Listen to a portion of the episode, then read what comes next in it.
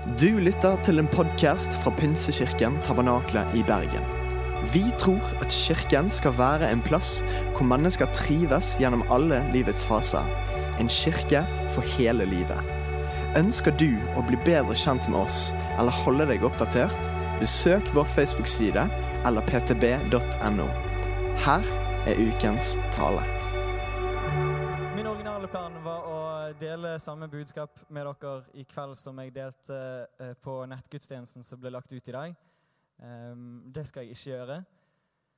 Men jeg anbefaler å se den nettgudstjenesten, for jeg tror at det var noe Gud ville minne oss alle på. Eh, Jeg blir stresset når jeg snakker foran et kamera, og da snakker jeg veldig fort, så den nettgudstjenesten tar ikke lang tid å se. Eh, Så jeg anbefaler dere å gjøre det. Men jeg skal ikke snakke om det nå, for jeg kjenner at jeg, eh, jeg klarer ikke helt å la være å adressere det som er et eh, tema som tas opp i hele verden akkurat nå. Og eh, de siste, Jeg regner med at dere har fått det med dere, men de siste ukene så har det vært demonstrasjoner og protester i flere byer i USA og rundt omkring i resten av verden. På fredag så var det på Festplassen her. Og det demonstreres og det er protester mot politivold og rasisme som katalyseres av drapet på George Floyd under en pågripelse fra fire politibetjenter i Minneapolis eh, 25. mai. Og så er ikke det den ene hendelsen som fikk det hele til å skje, men det har vært en rekke hendelser, en rekke urettferdige og brutale hendelser som gjør at nå er det protester overalt. Og så syns jeg at vi trenger å snakke om det, og så syns jeg at jeg er feil person til å gjøre det, og føler meg ikke kvalifisert til det, fordi at jeg har ikke kjent på min kropp hvordan det er å være utsatt for rasisme. Og selv om jeg ikke har bevisst gått inn for å undertrykke noen eller se ned på noen pga. at de har en annen hudfarge enn meg, så har jeg heller ikke vært den som har reist meg opp og stått i kampen når jeg har sett eller vitnet eller hørt om at det har skjedd med andre rundt meg. Jeg har ikke en CV jeg kan peke tilbake på om hvordan jeg har gjort en fantastisk jobb på dette, og jeg har ikke gjort dyptgående studier som gjør at jeg burde snakke om dette her, men de siste dagene så har jeg innsett hvor mye mine øyne har vært lukket, og kjenner liksom på skammen av det, og kjenner på skammen på vegne av eh, oss Vesten. Eh, og kjenner at det er noe vi som kirke trenger å snakke om. Men vi som kirke trenger å åpne våre øyne for å se hva som skjer. Og som Guds kirke i verden så trenger vi å nekte å godta det at mennesker som er skapt av Gud med en uendelig og ukrenkelig verdi, blir behandlet som noe mindre enn det de ble skapt til å være. Så Herre, vi ber om at du skal vise oss sannhet. Du skal vise oss nåde. Og at du skal vise oss et klarere bilde av hva ditt rike er ment til å se ut som. Må du være med oss de neste minuttene. Må du la dette rommet bli fylt med dine ord og dine tanker og dine visjoner. Og dra oss nærmere det du skapte oss til å være i løpet av denne kvelden. Amen. I begynnelsen av første Mosebok så leser vi en fortelling om hvordan Gud skapte verden. Og når vi kommer til den delen av hvordan han skapte mennesket, så, så leser vi at når Gud skapte mennesket i sitt bilde, i Guds bilde skapte han det, som mann og kvinne skapte han dem. Det er en grunnleggende del av vår tro. Og det er utgangspunktet for, som former det kristne menneskesynet, at hvert eneste menneske er uendelig elsket av Gud. Skapt i kjærlighet, skapt ut av kjærlighet, skapt til fellesskap, skapt i Guds bilde. Hvert eneste menneske. Og Starten på det andre avsnittet av den amerikanske uavhengighetserklæringen lyder som dette. We hold these truths to be self-evident, that all men are created equal, that they are endowed by their Creator with certain unalienable rights, that among these are life, liberty, and the pursuit of happiness. Altså, Vi holder disse sannhetene til å være selvinnlysende. At alle mennesker er skapt på likt grunnlag. At alle er velsignet av sin skaper med noen rettigheter som ikke kan forandres eller krenkes. Og Det er en nydelig og kraftfull setning å si, og en ganske sterk påstand. En påstand som jeg er sikker på at hvis, hvis jeg hadde gått opp til hvem som helst og spurt er du enig i dette, så tipper jeg at de aller fleste tilfeller så vil man si dette er jeg helt med på. Fordi at man hører setningen og tenker sånn Å si imot dette ville jo vært ondt. Men så ser vi likevel hva som skjer i landet som, som har denne setningen skrevet i stein av sin historie. Vi ser det, og studier undertegner det, at selv om man kanskje sier at alle er skapt likt, så blir ikke alle behandlet likt. Vi ser at noen robbes for mulighetene sine for en fremtid til fordel for at noen andre skal få en bedre. Vi ser, De siste ukene har vi sett brutale videoer av hvordan folk har behandlet, blitt behandlet fullstendig urettferdig. Og så hører vi sterke historier om, om, foreldre som er bekymret og redde for barna de skal oppdra, fordi de vet at de kommer, de kommer, til å bli behandlet urettferdig. De kommer til å bli behandlet annerledes. De har nødt til å gi dem en, liksom, en undervisningstime om hvordan de skal håndtere politiet hvis de blir møtt av politiet, fordi de vet at sannsynligheten er så stor for at de kommer til å ikke bli behandlet likt som folkene de lever rundt. Og så ser vi på en vond statistikk av en systematisk undertrykkelse og rasisme. Det virker som at det ikke alltid at det å bare si en setning eller skrive en setning i et viktig papir i historien gjør at, at det bare fikser problemet. Og selv om USA portretteres til å være den store, stygge ulven. Og selv om vi absolutt har mye å være takknemlige for i vårt land, så kan ikke vi lukke våre øyne og tenke at dette skjer der. Fordi det skjer her òg. Du kan lese om, om, Candy fra Bergen på NRK, og du kan lese de mange fortellingene som folk deler på sosiale medier nå for tiden. Du kan spørre noen.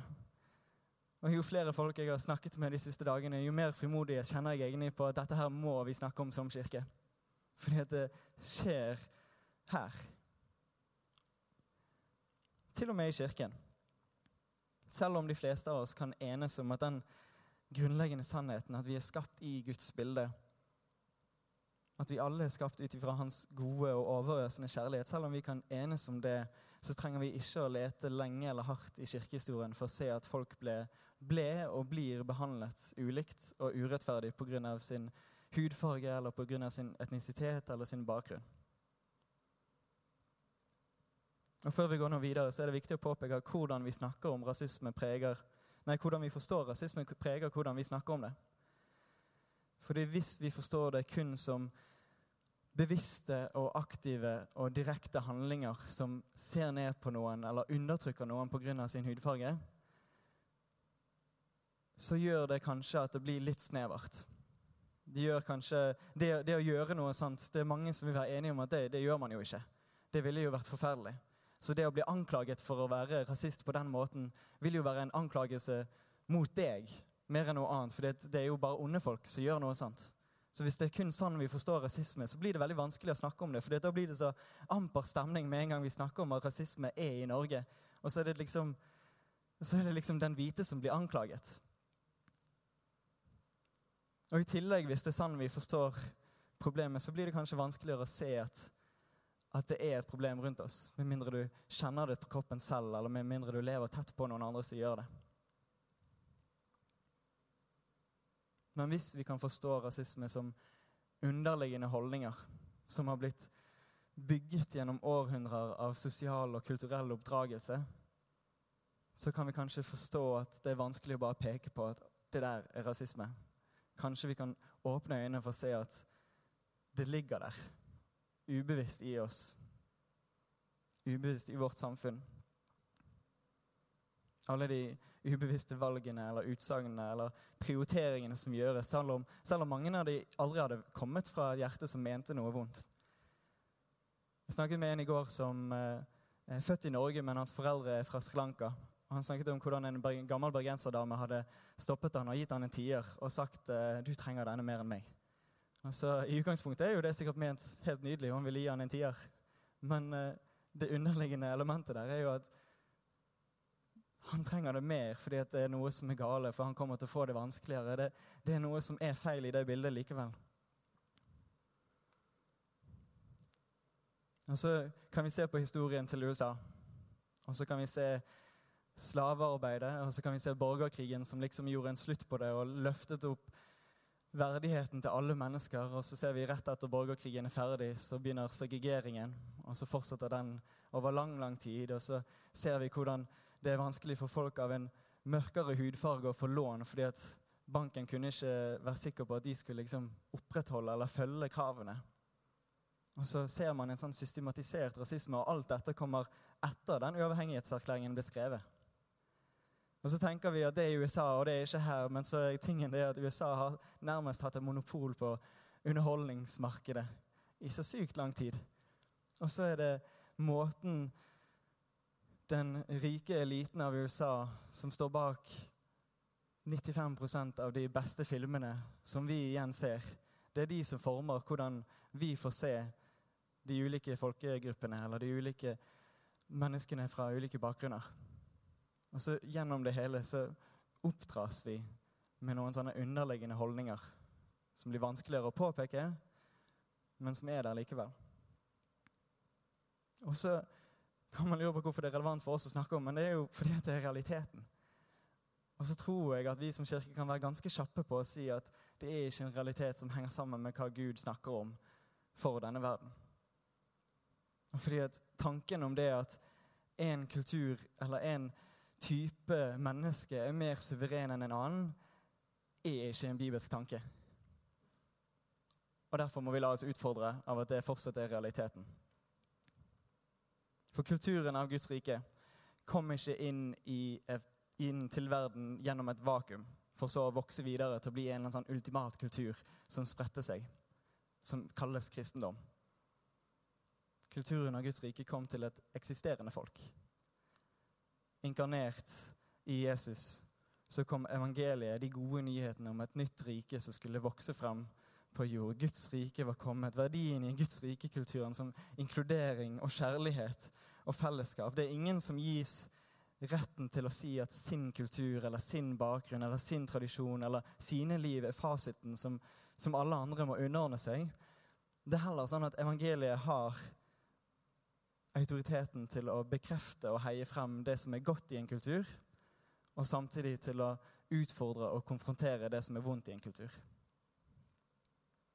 Og derfor, når vi oppdager rasismen i vårt samfunn, sånn som har blitt satt lys på i så stor grad i nyhetene de siste ukene, så burde vi la oss konfrontere.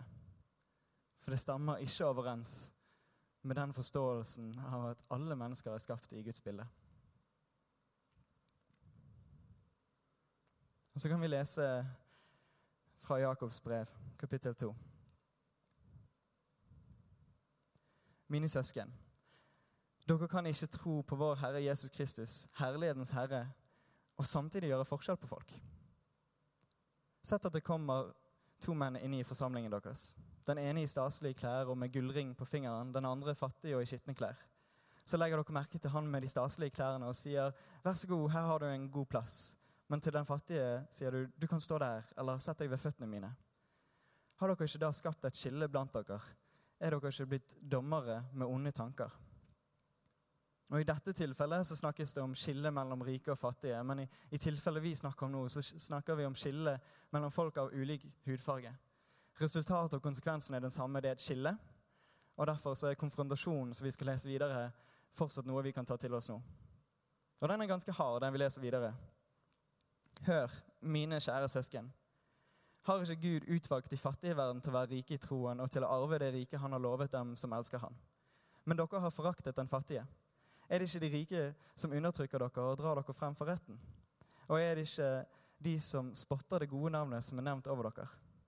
Dersom dere oppfyller den kongelige lov i Skriften, du skal elske de neste som deg selv, da gjør dere rett.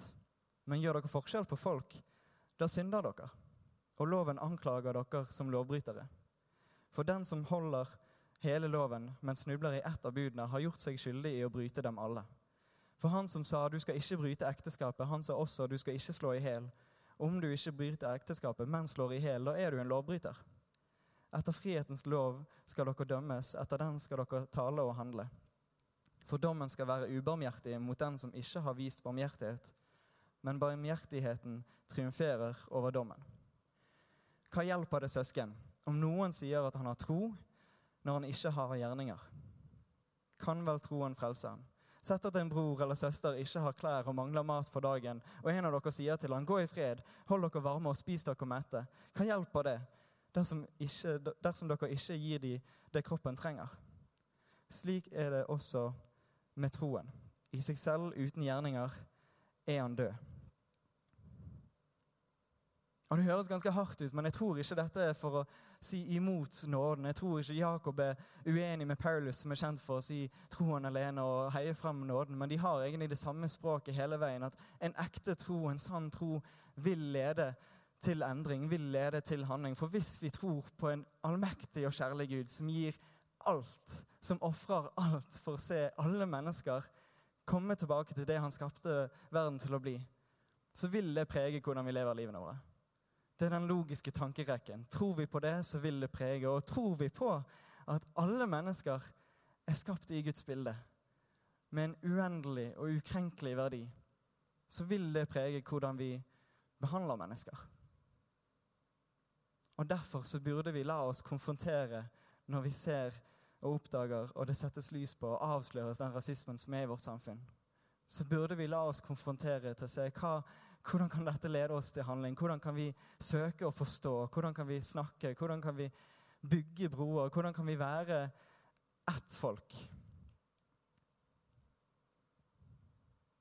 Paul skriver i et brev til de kristne i Galatia her er ikke jøde eller greker, mann eller kvinne, slave eller fri. Dere er alle én i Kristus Jesus. Og til efeserne så skriver han i kapittel 2 Dere som en gang var hedninger, og hedninger da forstått ikke bare som ikke-jøder, men folkene ut i, folke, i de andre landene. Dere som en gang var hedninger av fødsel, ble kalt uomskårne av de som kalles omskårne de som er omskåret på kroppen av menneskehånd. Husk at dere den gang var uten Kristus, utestengt fra borgerretten i Israel, uten del i paktene og løftet, ja, uten håp og uten Gud i verden. Men nå, i Kristus Jesus, er dere som var langt borte, kommet nær på grunn av Kristi blod. For han er vår fred. Han som gjorde de to til ett og rev ned den muren som skilte, fiendskapet. Ved sin kropp har han opphevet loven med dens bud og forskrifter. Slik stiftet han fred da han av de to skapte ett nytt menneske i seg. I én kropp forsonte han dem begge med Gud da han døde på korset, og slik drepte fiendskapet. Han kom og forkynte det gode budskapet om fred, både for dere som var langt borte, og for de som var nær. Gjennom han har, vi, har både vi og dere adgang til Far i én ånd. Derfor er dere ikke lenger fremmede og utlendinger. Nei, dere er de hellige, helliges medborgere og Guds familie. Dere er bygd opp på apostlenes og profetenes grunnvoll, med Kristus Jesus selv som hjørnestein. Han holder hele bygningen sammen så den vokser til et hellig tempel i Herren. Og i ham blir også dere bygd opp til en bolig for Gud i ånd. Dette var ganske sterke ord da.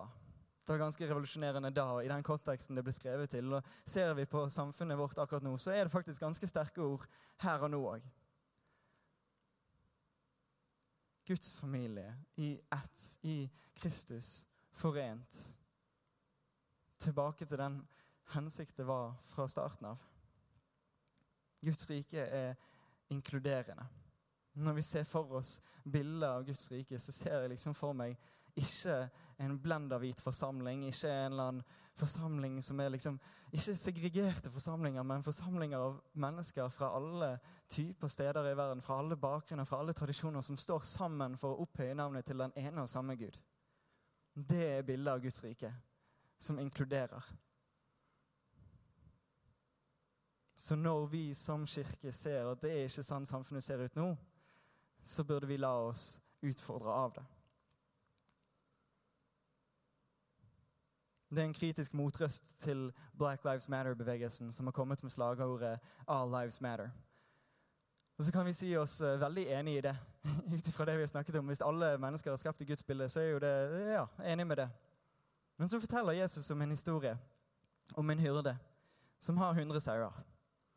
Han har 100 sauer, og så ser han 99 av de som har det helt nydelig, og de har det bra og de har det trygt og godt, og så ser han at ja, men det er en som mangler. Og så går hyrden fra de 99 for å finne den ene som mangler. Jeg får ikke inntrykk av at det er fordi at de 99 ikke betyr noe lenger, men fordi at hurden ser den som har et problem. Hurden ser den som er i fare, hurden ser den som er vekke fra flokken, og hurden går derfor dit. Og hele Jesus sitt liv og virke kan inspirere oss til hvordan vi kan dras i retning de som trenger hjelpen nå. All lives matter fortsatt uansett. Men akkurat nå må vi se hvor er det det brenner. Og hvor er det vi som kirke kan steppe opp og hjelpe. Hvor er det vi som kirke kan vise hva er det Guds rike egentlig ser ut som. Hvordan kan vi løfte frem den inkluderingen nå? Der Jesus gjorde det når han gikk til de som etter samfunnets eh, standard eller systemer ikke hadde noen stemme. Etter samfunnet så hadde ikke de noen sjanse, men så gikk Jesus til de.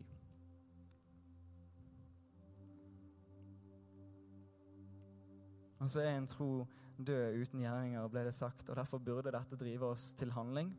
Men først og fremst så tror jeg det burde drive oss til å be. Akkurat nå, akkurat i kveld, så kan vi be, og vi kan lovsynge, og så burde det videre drive oss til handling.